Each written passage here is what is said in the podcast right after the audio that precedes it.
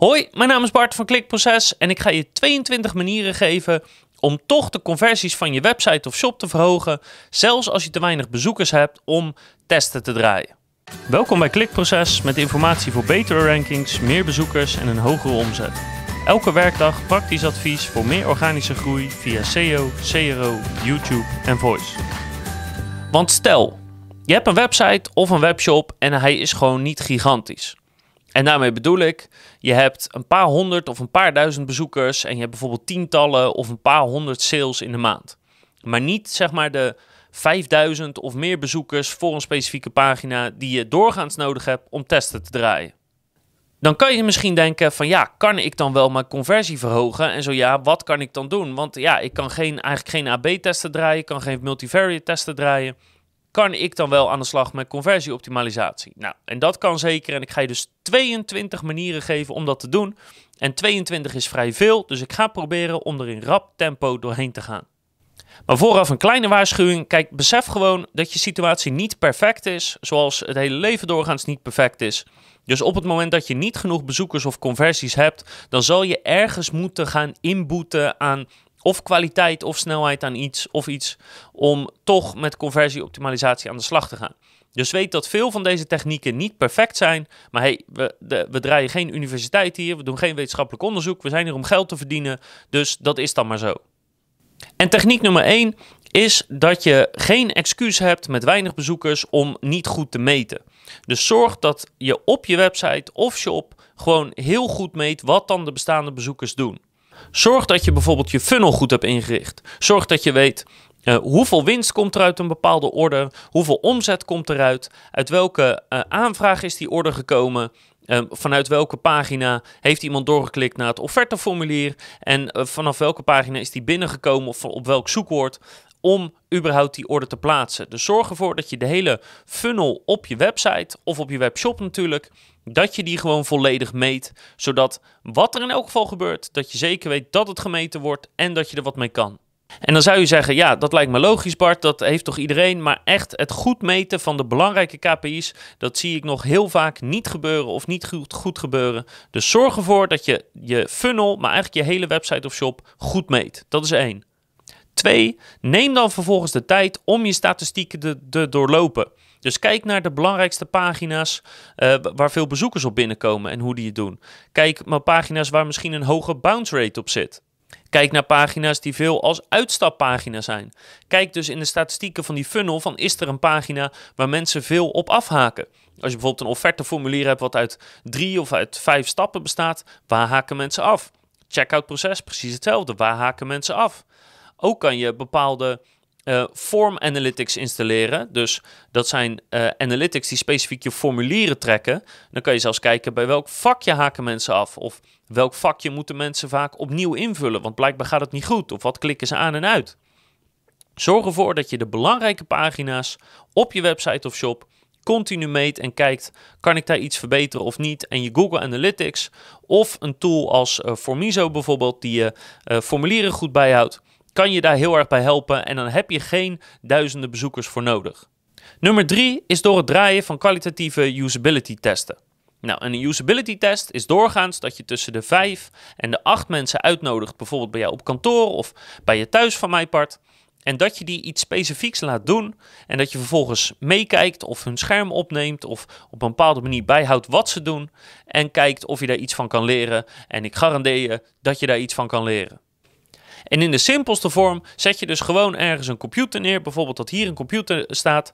Leg je er een A4'tje neer met daarop de instructies van wat iemand moet doen.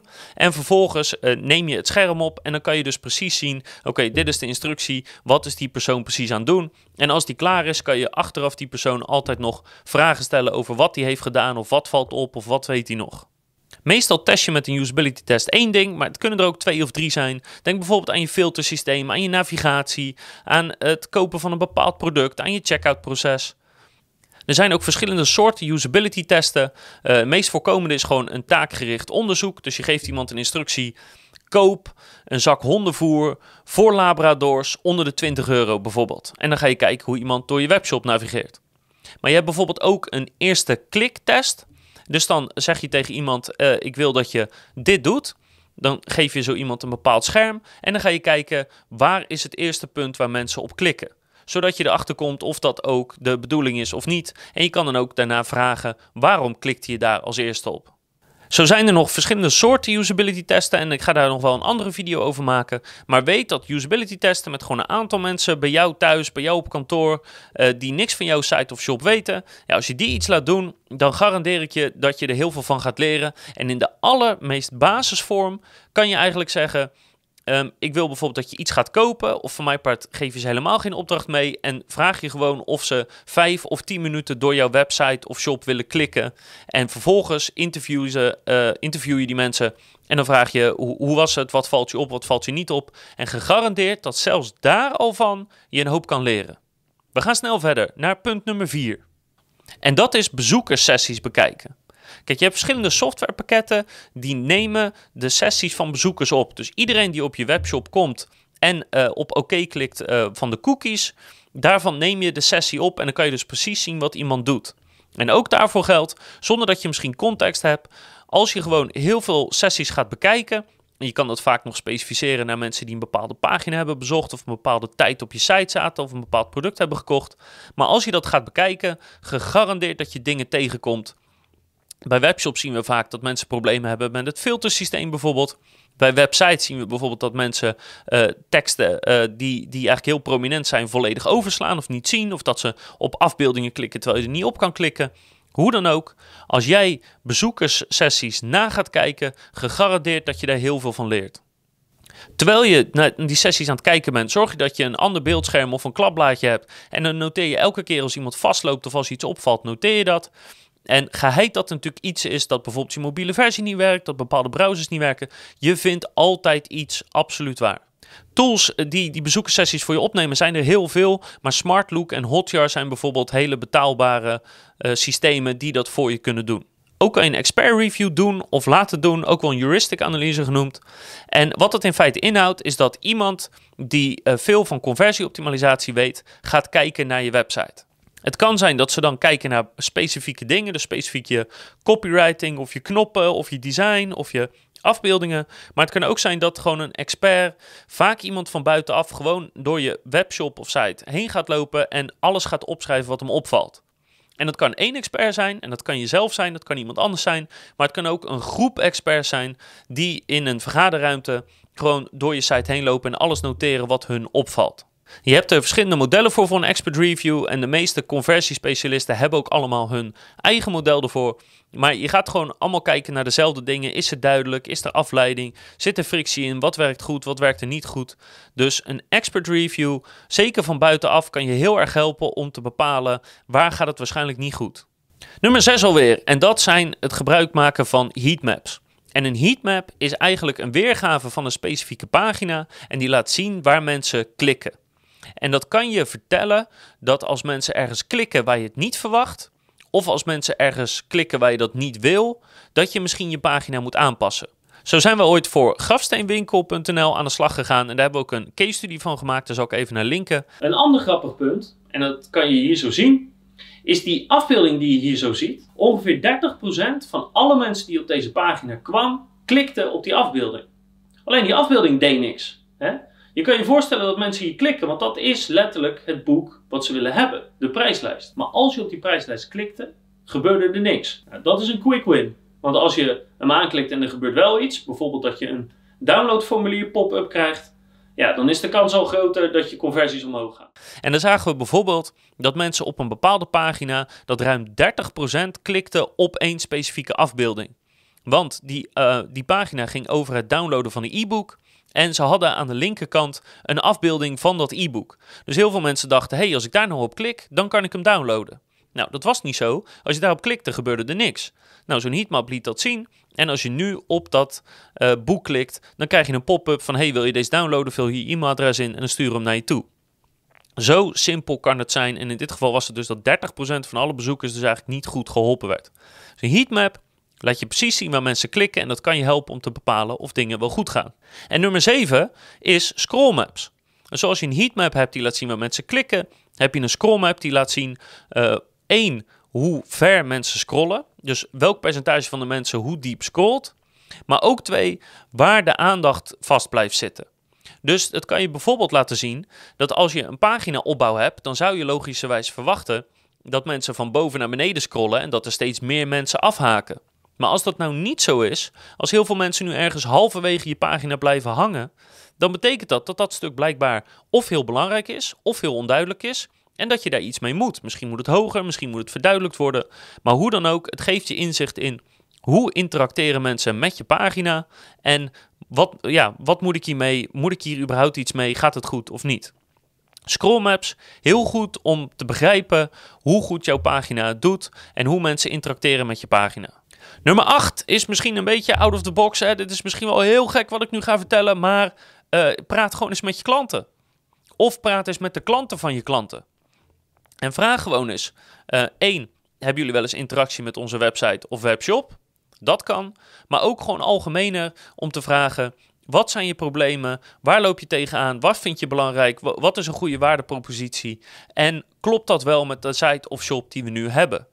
Want als alle klanten een bepaald probleem aangeven, of laten we zeggen, eh, een derde van je klanten geeft een bepaald probleem aan, maar op je website of shop leg je helemaal niet goed uit dat je dat probleem verhelpt, of dat je überhaupt een oplossing hebt voor dat probleem, dan is dat tijd om je website of shop aan te passen. Dus bel gewoon klanten op of ga bij ze langs en stel ze vragen over überhaupt hun bedrijf en problemen en eventueel specifiek over je website. Nou, er zijn ook andere manieren om met je klanten interactie te zoeken. Je kan bijvoorbeeld gewoon een poll op je website doen. Bijvoorbeeld iemand die langer dan twee minuten op je website of shop is, dan kan je een poll omhoog laten komen met de vraag: kunt u het vinden of niet? Of uh, kan ik u ergens bij helpen? Of wat weerhoudt u ervan om nu iets te kopen of een offerte aan te vragen? Maar je kan het ook doen bijvoorbeeld op de bedanktpagina. Als ze daadwerkelijk een offerte hebben aangevraagd of een product hebben gekocht. Dan kan je bijvoorbeeld vragen: um, is er iets waardoor u bijna niets heeft gekocht? Dus dat zijn ook manieren om met je klanten en potentiële klanten in contact te komen en iets te leren over die specifieke pagina of je website of shop als geheel. Er zijn heel veel tools die zo'n poll op je website kunnen laten verschijnen, maar Hotjar en Qualaroo zijn daar bijvoorbeeld voorbeelden van. Uh, dat kost niet heel veel en het mooie ervan is dat je dus echt direct feedback krijgt, kan zelfs per pagina specifiek. Een laatste manier om met je klanten of potentiële klanten of met leads in contact te komen, is door ze gewoon simpelweg een survey toe te sturen, een enquête toe te sturen en daarin bepaalde vragen te stellen. Dat kan je doen via SurveyMonkey. Dat heb je ook in Google. Google Forms kan je gewoon een enquête opstellen. Om op die manier vragen te stellen van... hey, wat vind je van X en Y? En daar weer je lering uit te trekken.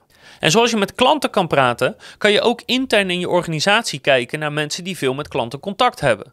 Bijvoorbeeld de klantenservice, bijvoorbeeld sales managers, account managers of wie dan ook vaak contact heeft met specifieke klanten en je zou ook de andere kant op kunnen gaan. Je zou ook naar de vakidioten kunnen gaan om te vragen of die nog bepaalde dingen opvalt aan de website of shop. Of misschien in zijn algemeenheid van dat een product of een dienst iets doet wat niet goed naar buiten komt. Maar vooral degene die contact hebben met de klant, dus bijvoorbeeld de klantenservice, die weten vaak heel goed wat er speelt of wat er frustreert. En zeker als er bijvoorbeeld bepaalde filters niet goed werken op je website of shop, dan is de klantenservice vaak de eerste die daarvan op de hoogte is. Dus zorg dat je goed praat met de mensen in je organisatie die rechtstreeks met klanten te maken hebben. Nummer 10, en dat is een beetje een tricky, maar dat is bestudeer concurrenten. En dat kan je namelijk helpen om te bepalen wat doen ze Waarom doen ze dat en kan ik daar wat mee? En ik ben lang niet altijd fan van het bestuderen van je concurrenten. Zeker omdat je eigenlijk helemaal niet weet dat wat ze doen, dat dat ook goed werkt. Maar het kan je wel helpen om misschien inspiratie op te doen. Of te kijken, hey, hoe tackelen ze dit, hoe tackelen ze dat? Of bijvoorbeeld je waardeproposities te vergelijken. Hebben ze andere USP's dan wij? Zijn ze misschien sneller gaan bezorgen? Of hebben ze misschien een langere garantie? Dus het bestuderen van je concurrenten kan je een idee geven of een opzet geven of een voorzet geven om misschien weer verder over je eigen site of shop na te denken. Nummer 11 is het implementeren van live chat. En live chat kan je namelijk in staat stellen om rechtstreeks met mensen die op dat moment op de site zitten in contact te komen. Dus niet alleen kan het je gewoon conversies opleveren, maar ook kan het je uitleg geven als mensen niet verder komen of gefrustreerd zijn en dat ze dat ventileren richting jou. Dus als een bepaalde knop niet werkt of als ze niet verder komen of iets onduidelijk is, dan is live chat een goede mogelijkheid voor een klant om dat te uiten en voor jou om dus die feedback binnen te krijgen. En zoals je live chat toe kan voegen, kan je ook gewoon jouw telefoonnummer toevoegen.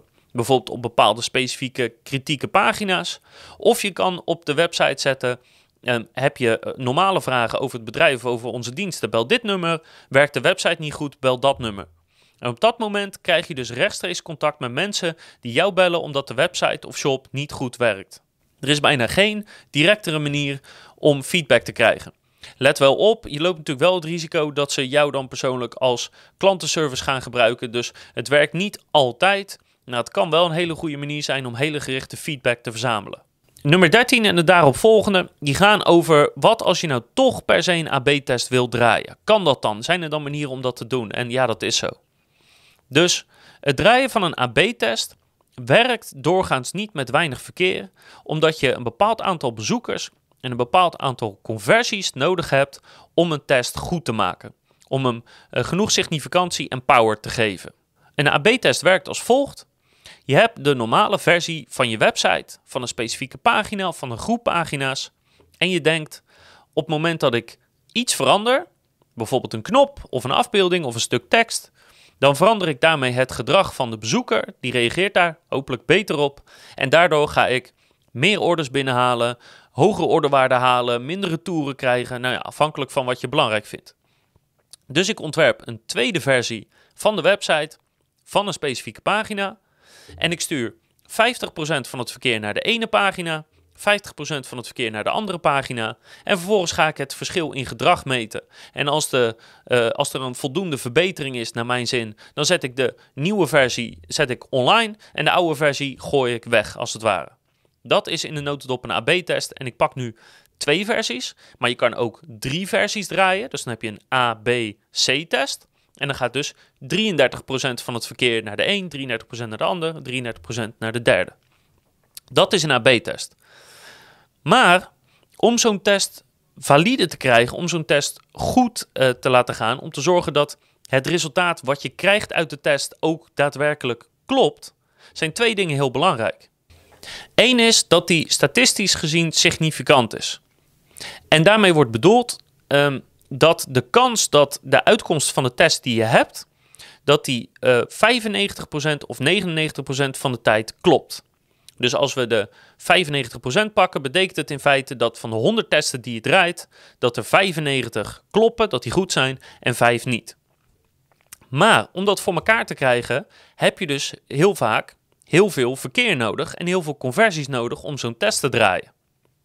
Het tweede aspect is dat de, uh, dat de test voldoende power moet hebben.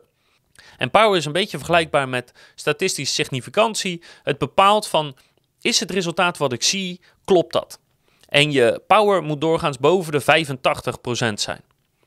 Nou, we hebben gewoon een calculator die gewoon voor een test precies kan berekenen wat je significantie en wat je power is. Dus daar hoef je verder eigenlijk niet te veel over na te denken. En ik zal uh, ook even zeker even linken naar die calculator. Maar het probleem is dus dat als je niet genoeg verkeer hebt, dat je die twee cijfers, en die bepalen de betrouwbaarheid van de test, dat je die dus niet goed krijgt. Dat je die niet hoog genoeg krijgt. Dus wat kan je dan gaan doen? Hè? Want je moet dan ergens gaan inboeten waarschijnlijk. Nou, het eerste is dat als je een AP-test rijdt, dat je dus altijd moet zorgen dat je maar twee versies hebt. Je hebt al weinig verkeer, ga dat alsjeblieft niet verspreiden over uh, drie of meer versies. Het maakt er altijd maar twee. Maar wat je bijvoorbeeld kan doen, is dat je alleen maar op zoek gaat naar de hele grote verschillen in die twee versies. Want als de verschillen die je detecteert namelijk heel groot zijn, heb je veel minder bezoekers nodig. En ik zal even het wiskundige voorbeeld laten zien. Dus zet je schrap. Hier komt echt even een stukje wiskunde. Maar stel je voor, je hebt bijvoorbeeld 2000 bezoekers op de pagina die je wilt gaan testen. Dus dat betekent dat je uh, de bestaande versie hebt en de nieuwe versie. Dus je stuurt 1000 bezoekers naar allebei de versies toe. Nou, de normale conversie van de, van de bestaande pagina is 10%. Dus van die 1000 bezoekers zou 10%, dus 100 bezoekers, zouden converteren. Als we dan gaan voor een verhoging van 10% van het resultaat, dan is die test niet goed. Dan is die niet significant genoeg, heeft hij niet genoeg power. Maar als we de test zo instellen dat we zeggen nee, we gaan niet voor een 10% verhoging, maar voor een 30% verhoging van het resultaat, dan is die opeens wel significant en krachtig genoeg. En dat is dus super. Dus dan denk je meteen van oké, super, dan doen we dat toch. Maar ja, er zitten dus wel een paar nadelen aan. Dus één is, Deze, uh, deze test is alleen geslaagd als de nieuwe versie 30% meer resultaat uh, brengt of meer. Maar stel dat hij dus 20% beter converteert. 20% is echt veel, hè? 20% beter converteert. Dan, ja, dan is je test toch niet goed. Dus een 20% conversieverhoging ja, zal je zeg maar niet zien of mag je niet meetellen. Dus de verschillen moeten wel echt heel groot zijn. En je loopt dus wel potentieel een, een conversieverhoger mis, omdat gewoon de verhoging niet groot genoeg is. Een ander nadeel is, is die significantie die ik net aangaf, is bijvoorbeeld 95%. Dat betekent dat 1 op de 20 testen die je hebt, dat het resultaat daarvan niet klopt. Dus of de test zegt bijvoorbeeld dat uh, de conversie lager is, terwijl die dus eigenlijk hoger is.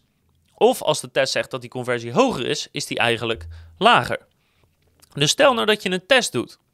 En dan test je dus op die 30% verschil in conversie. En de test zegt, ja, dat klopt, die nieuwe versie converteert 30% beter.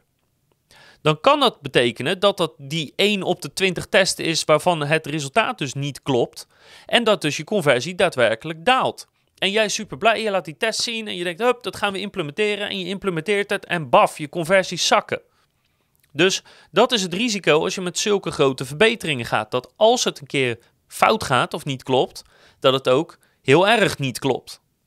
En daarom moet je dus altijd, als je de nieuwe versie hebt geïmplementeerd, heel goed in de gaten houden of het resultaat wel daadwerkelijk verbetert zoals de test liet zien. En dat je altijd terug kan draaien naar de vorige versie als dat nodig is.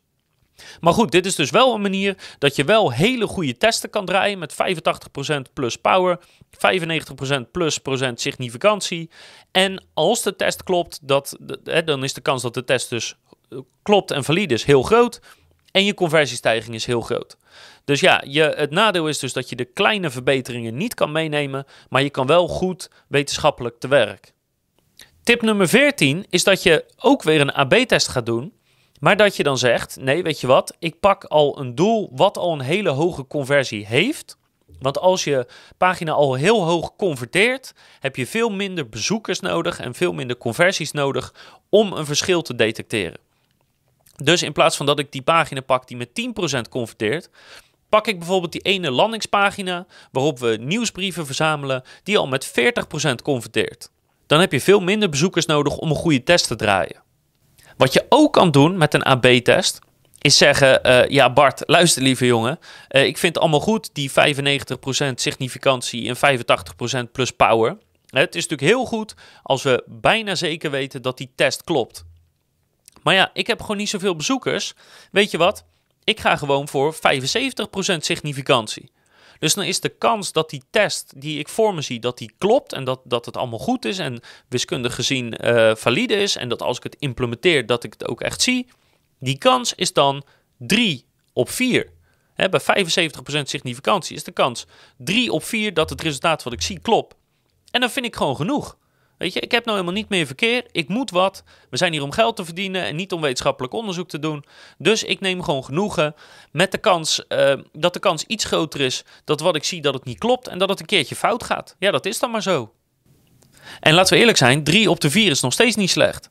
Als ik tegen jou zeg van joh, de kans dat je als je uh, hier een euro inzet, dat je 1000 euro wint, dat die kans 75% is, dan zou je zeggen nou, dat is eigenlijk wel praktisch in de pocket. Dus 75% is nog niet verschrikkelijk. En ja, als je geen andere keuze hebt, kan dat, um, kan dat handig zijn om daarbij in te boeten.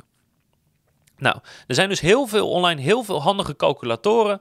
Maar ik heb één specifieke aanbeveling, die zal ik ook even laten zien. Dat is die van uh, eh, AB Test om precies te zijn. En als je dan naar slash CALC gaat, uh, slash calc dus, uh, dan krijg je daar een hele goede calculator. En dan zie je en de significantie en de power. Dan kan je daar dus in feite spelen met hoeveel bezoekers heb ik nodig, met welk conversiepercentage, totdat je iets vindt waar jij tevreden over bent. En het inboeten op de betrouwbaarheid van de test kan gewoon een valide optie zijn als je niet zoveel verkeer hebt. En de laatste vorm van een AB-test die je wel kan toepassen als je weinig verkeer hebt, is dat je een site-wide test doet. Dus een test doet over de gehele website heen. Bijvoorbeeld dat je iets test in de header of in de footer of USP's die overal terugkomen. Want als je een test draait op alle pagina's van de site, dan pak je eigenlijk het maximale verkeer mee. Het hoeft niet per se de hele site te zijn. Je kan bijvoorbeeld ook zeggen: Ik draai een test op alle productpagina's. Of alle categoriepagina's of alle dienstenpagina's. Maar in elk geval of de hele site of een hele grote groep met pagina's, zodat ik zoveel mogelijk verkeer meepak. En op die manier kan ik dan toch nog een test valide maken. Ondanks dat ik dan niet precies weet of misschien het bij de ene productpagina heel goed doet en bij de andere productpagina heel slecht doet. Gemiddeld genomen zorgt het voor een verbetering, dus ik ga het doen. Nou, als je afvraagt van oké, hoe kan ik zo'n AB-test draaien? Nou, daar heb je heel veel goede software voor die dat redelijk voor je regelen. Uh, Visual Website Optimizer, uh, Optimizely, Google Experiments en er zijn er nog veel meer. Uh, dat zijn allemaal redelijk betaalbare software. Dus er zijn echt wel verschillende manieren om een AB-test te draaien, zelfs als je relatief weinig verkeer hebt. Nou, techniek nummer 17 is dat je eigenlijk een AB-test gaat draaien, maar dan in de vorm van een 0-1-test. En een 0-1 test is in feite dat je zegt, de hele maand september laat ik de website zoals die is. En dan bijvoorbeeld de volgende maand, dus oktober, wijzig ik iets. En dan ga ik gewoon live in de statistieken kijken wat het verschil in resultaat is. Dat kan een optie zijn, maar het is wel een gevaarlijke optie. Want één is, kijk, het voordeel van een AB-test is dat die tegelijk draait. En dat betekent dat alle marketingacties, alle seizoensinvloeden, alle externe factoren zijn in feite voor die twee testen hetzelfde. Maar als je een 0-1 test draait, dus dat je ze achter elkaar draait, is dat niet zo. Want de maand september kan gewoon een betere of slechtere maand zijn dan de maand oktober, om wat voor reden dan ook. Er kunnen externe dingen veranderen, zoals marketingacties van andere afdelingen. Er kunnen kortingsacties zijn. Je concurrenten kunnen iets veranderen wat jouw resultaat beïnvloedt. Dus het achter elkaar draaien uh, van, van een test als het ware, of het live veranderen van iets en dan kijken wat het verschil is, dat is wel tricky. En de vraag is in hoeverre je die resultaten echt kan vergelijken. Maar goed, de andere kant is, hè, we zijn geen universiteit, we zijn er om geld te verdienen. Dus als er geen andere keuze is, dan zou ik dat gewoon doen. Zeker als uh, de wijzigingen die je doorvoert wel echt onderbouwd zijn door bepaalde data. Dus dat de experts naar je sites hebben gekeken, dat je usability testen hebt gedaan, en dat je zegt, ja luister, volgens mij is dit gewoon echt tien keer beter als we het zo doen. Dus we gaan gewoon in november de nieuwe versie online zetten. We houden de resultaten in de gaten. En in het slechtste geval, als het nu echt heel erg keldert, dan zetten we de oude versie weer terug. Nummer 18 is dat je de laadsnelheid van je pagina's gaat verbeteren. En dat is namelijk universeel goed. Het is goed voor je SEO, maar ook zeker voor je conversies, dat je gewoon de laadsnelheid terugbrengt. Je kan niet uh, minder conversie draaien doordat je pagina's sneller laden. Dus als je nou echt niet echt bewijs hebt om iets te wijzigen, of je weet niet goed waar je moet beginnen, of je, je ziet het momenteel gewoon even niet, of voor mijn part zit je misschien ergens op te wachten. Het verbeteren van de laadsnelheid van je pagina's helpt altijd om je conversies te verbeteren. En in het allerslechtste geval blijven je conversies daardoor gelijk. Dus dan heb je in elk geval geen verlies. Dus het verbeteren van je laadsnelheid kan een hele goede optie zijn. Je kan dit heel makkelijk checken door bijvoorbeeld naar uh, eh, GT Metrics te gaan en daar je URL in te voeren. Uh, Pingdom Tools kan je heen gaan. Je hebt ook vanuit Google de Google PageSpeed Insights. Uh, dat kan je een idee geven van hoe snel laat hij. Plus, wat zijn de aanbevelingen om het te verbeteren. In Google Search Console kan je zelfs de laadtijd van bepaalde pagina's nu zien. En dan geeft Google je ook goed advies om te verbeteren. Dus als je niet het risico wil nemen dat je misschien daalt in conversies, dan is het verbeteren van je laadtijd echt een hele goede optie. Nummer 19 is het invoeren van best practices. En net als de andere opties, ja, is dit ook een klein beetje gevaarlijk. Er zit een klein beetje nadeel aan. Maar er zijn ondertussen heel veel best practices over wat converteert en wat niet. En uh, het, het moeilijke aan een best practice is. Kijk, het is een best practice omdat die in 80 of 90 procent van de tijd werkt. Dus als je moet gokken, dan is een best practice een goede gok. Maar het is natuurlijk niet per se 100% gezegd dat het ook voor jou werkt. Dus het invoeren van best practices zou ik zeker aanbevelen. Maar blijf wel echt goed je resultaat monitoren. Want het kan zijn dat die ene best practice specifiek dan voor jouw site of voor jouw klanten net niet werkt. Dus hou het wel goed in de gaten. Maar het allergrootste voordeel is natuurlijk dat je heel efficiënt kan werken. Er zijn online lijsten en lijsten met best practices te vinden. Als je een goede, betrouwbare lijst hebt, en ik ga er denk ik ook nog wel even een video over maken in de loop van het jaar, en je voert die dingen door, dan kan je eigenlijk op een hele efficiënte manier je conversies verhogen, want je hoeft gewoon het wiel niet opnieuw uit te vinden. Nummer 20 alweer, en dat is het toevoegen van drempelverlagers in je website of shop. En een drempelverlager, uh, ze noemen het ook wel een microconversie, is in feite dat je uh, mensen die nog niet bereid zijn om te converteren, nog niet een offerte willen aanvragen, nog niet iets willen kopen, dat je die iets biedt om toch uh, alvast een stukje klant te worden of alvast met jou in contact te blijven. Denk bijvoorbeeld het abonneren op social media, inschrijven op een nieuwsbrief, downloaden van een e-book. Dus je kan nadenken over, kan ik op een moment in, in de funnel of op een moment op mijn website of shop, kan ik ze dan iets aanbieden waardoor ze misschien nog niet de hele conversie maken, maar wel een stukje converteren, wat op termijn de kans weer groter maakt dat ze uiteindelijk toch bij ons een offerte aanvragen, een order plaatsen, uh, veel spullen kopen, noem het maar op. Niet alleen bouw je daardoor een extra meetmoment in, het kan ook gewoon helpen om de binding met je bedrijf te verhogen en uiteindelijk je conversies te verhogen. Dus drempelverlagers, iets simpels waar mensen, waardoor mensen toch in contact met je blijven, kan heel goed werken.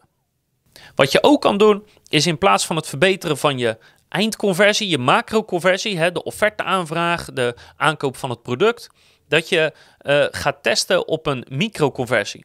Ook wel dat je hem gaat one-uppen. Dus daar bedoel ik mee, stel dat je bijvoorbeeld uh, maar duizend mensen per maand in je checkout proces krijgt. Dat is dan misschien niet goed genoeg uh, om, om daar testen op te draaien. Zelfs niet als je bijvoorbeeld de significantie laat zakken. Wat je dan misschien wel kan doen is: oké, mijn winkelmandje zit, eh, mijn checkout proces zit achteraan de funnel. Daar kan ik niet op testen, dus wat komt daarvoor? Oké, daarvoor zitten mensen in het winkelmandje. Hé, hey, maar er zitten 2000 mensen in het winkelmandje. Dus daar kan ik wel een test op draaien. Dus ik kan gaan testen hoeveel mensen klikken van het winkelmandje door naar het checkout proces. En als dat ook niet goed genoeg is, dan kan je zeggen: Oké, dat werkt niet, kan niet op het winkelmandje testen. Wat komt ervoor? Oh, er zitten mensen op de productpagina. Dus misschien kan ik dan gaan testen om uh, mensen een product toe te laten voegen in het winkelmandje. En zo kan je steeds verder teruggaan in de funnel. Wederom waarom die funnel zo belangrijk is. Um, totdat je genoeg, totdat je pagina's hebt of een pagina hebt met genoeg bezoekers of genoeg conversies dat je daar wel kan gaan testen. En ja, dan kan je misschien niet helemaal achter in de funnel testen maar wel verder voor in de funnel. En in theorie, als je maar ergens in die funnel zorgt dat er bijvoorbeeld 10% meer mensen doorstromen, dan heb je 10% extra conversie uiteindelijk en daarmee 10% extra omzet of winst. Dus in theorie maakt het niet uit of je nou voorin of achter in de funnel aan het testen bent.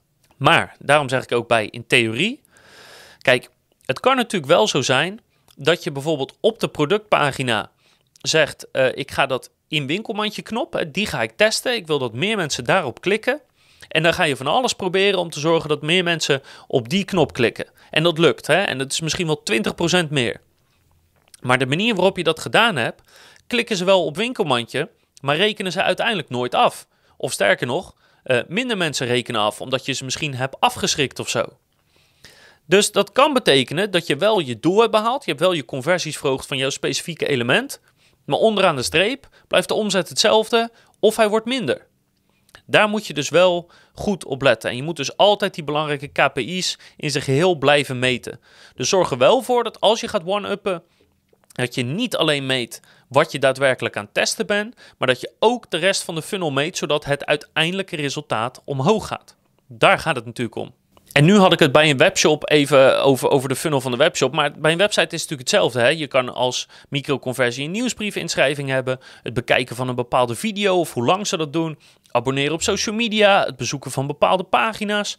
Het kan echt van alles zijn. Als het maar een stapje in die gehele funnel is. Waardoor mensen dichterbij komen bij uiteindelijk het uh, leveren van omzet. En mechaniek nummer 22, en dat is de allerlaatste tip die ik heb dat is dat je gaat zorgen voor tijdelijk meer verkeer. Kijk, als je niet genoeg verkeer hebt om te testen of om een goede test te draaien, kan je natuurlijk altijd zorgen dat je gewoon tijdelijk meer verkeer krijgt. Door meer verkeer in te kopen via uh, Google Ads, via Facebook Ads, uh, via, uh, door een nieuwsbrief te versturen, door op LinkedIn een post te zetten, ik zeg maar wat. Als je kan zorgen voor tijdelijk meer verkeer, dan kan dat je helpen om te testen. Maar let wel op dat die nieuwe verkeersbron misschien ander publiek brengt. Publiek wat hoger zit in de motivatie of lager zit in de motivatie of uh, die, die meer of minder bekend zijn met je product. Dus als je zorgt voor extra verkeer vanaf een bepaalde verkeersbron, zorg er dan wel voor dat dat verkeer goed gesplitst wordt tussen alle versies die je aan het testen bent, om te zorgen dat het wel eerlijk blijft. Het zou natuurlijk raar zijn als de bestaande versie bijvoorbeeld alleen maar oud publiek krijgt, hè, via, via bijvoorbeeld gewoon normaal Google. En al dat extra verkeer wat je nu via die nieuwsbrief krijgt, dat het allemaal naar de nieuwe testversie gaat. Ja, stel, dat die, eh, stel dat je een hele goede e-mail hebt gestuurd en bijvoorbeeld allemaal kortingscodes hebt weggegeven, ja, dan wordt er wel gekocht via die nieuwe versie. Dus dat zou niet eerlijk zijn. Dus tijdelijk zorgen voor meer verkeer kan een hele goede optie zijn, maar zorg er wel voor dat dat extra verkeer goed verdeeld is tussen je testvarianten.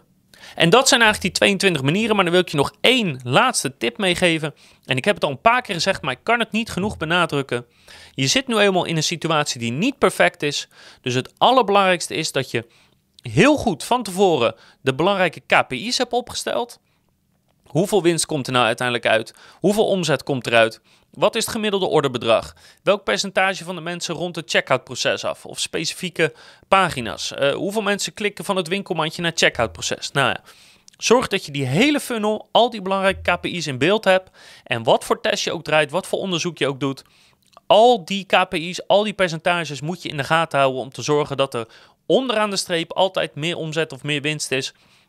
En dat je niet jouw specifieke ding zit te verbeteren, maar in de gehele funnel zorgt voor of geen verschil of zelfs een daling.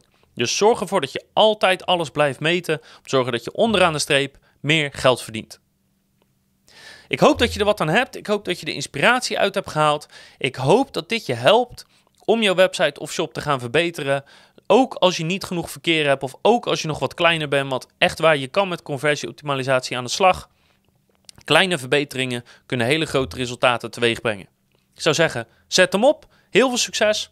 En ik hoop natuurlijk dat je de volgende keer weer kijkt, luistert of leest, want heb ik nog veel meer tof conversieadvies voor je of advies op het gebied van SEO, YouTube en Voice.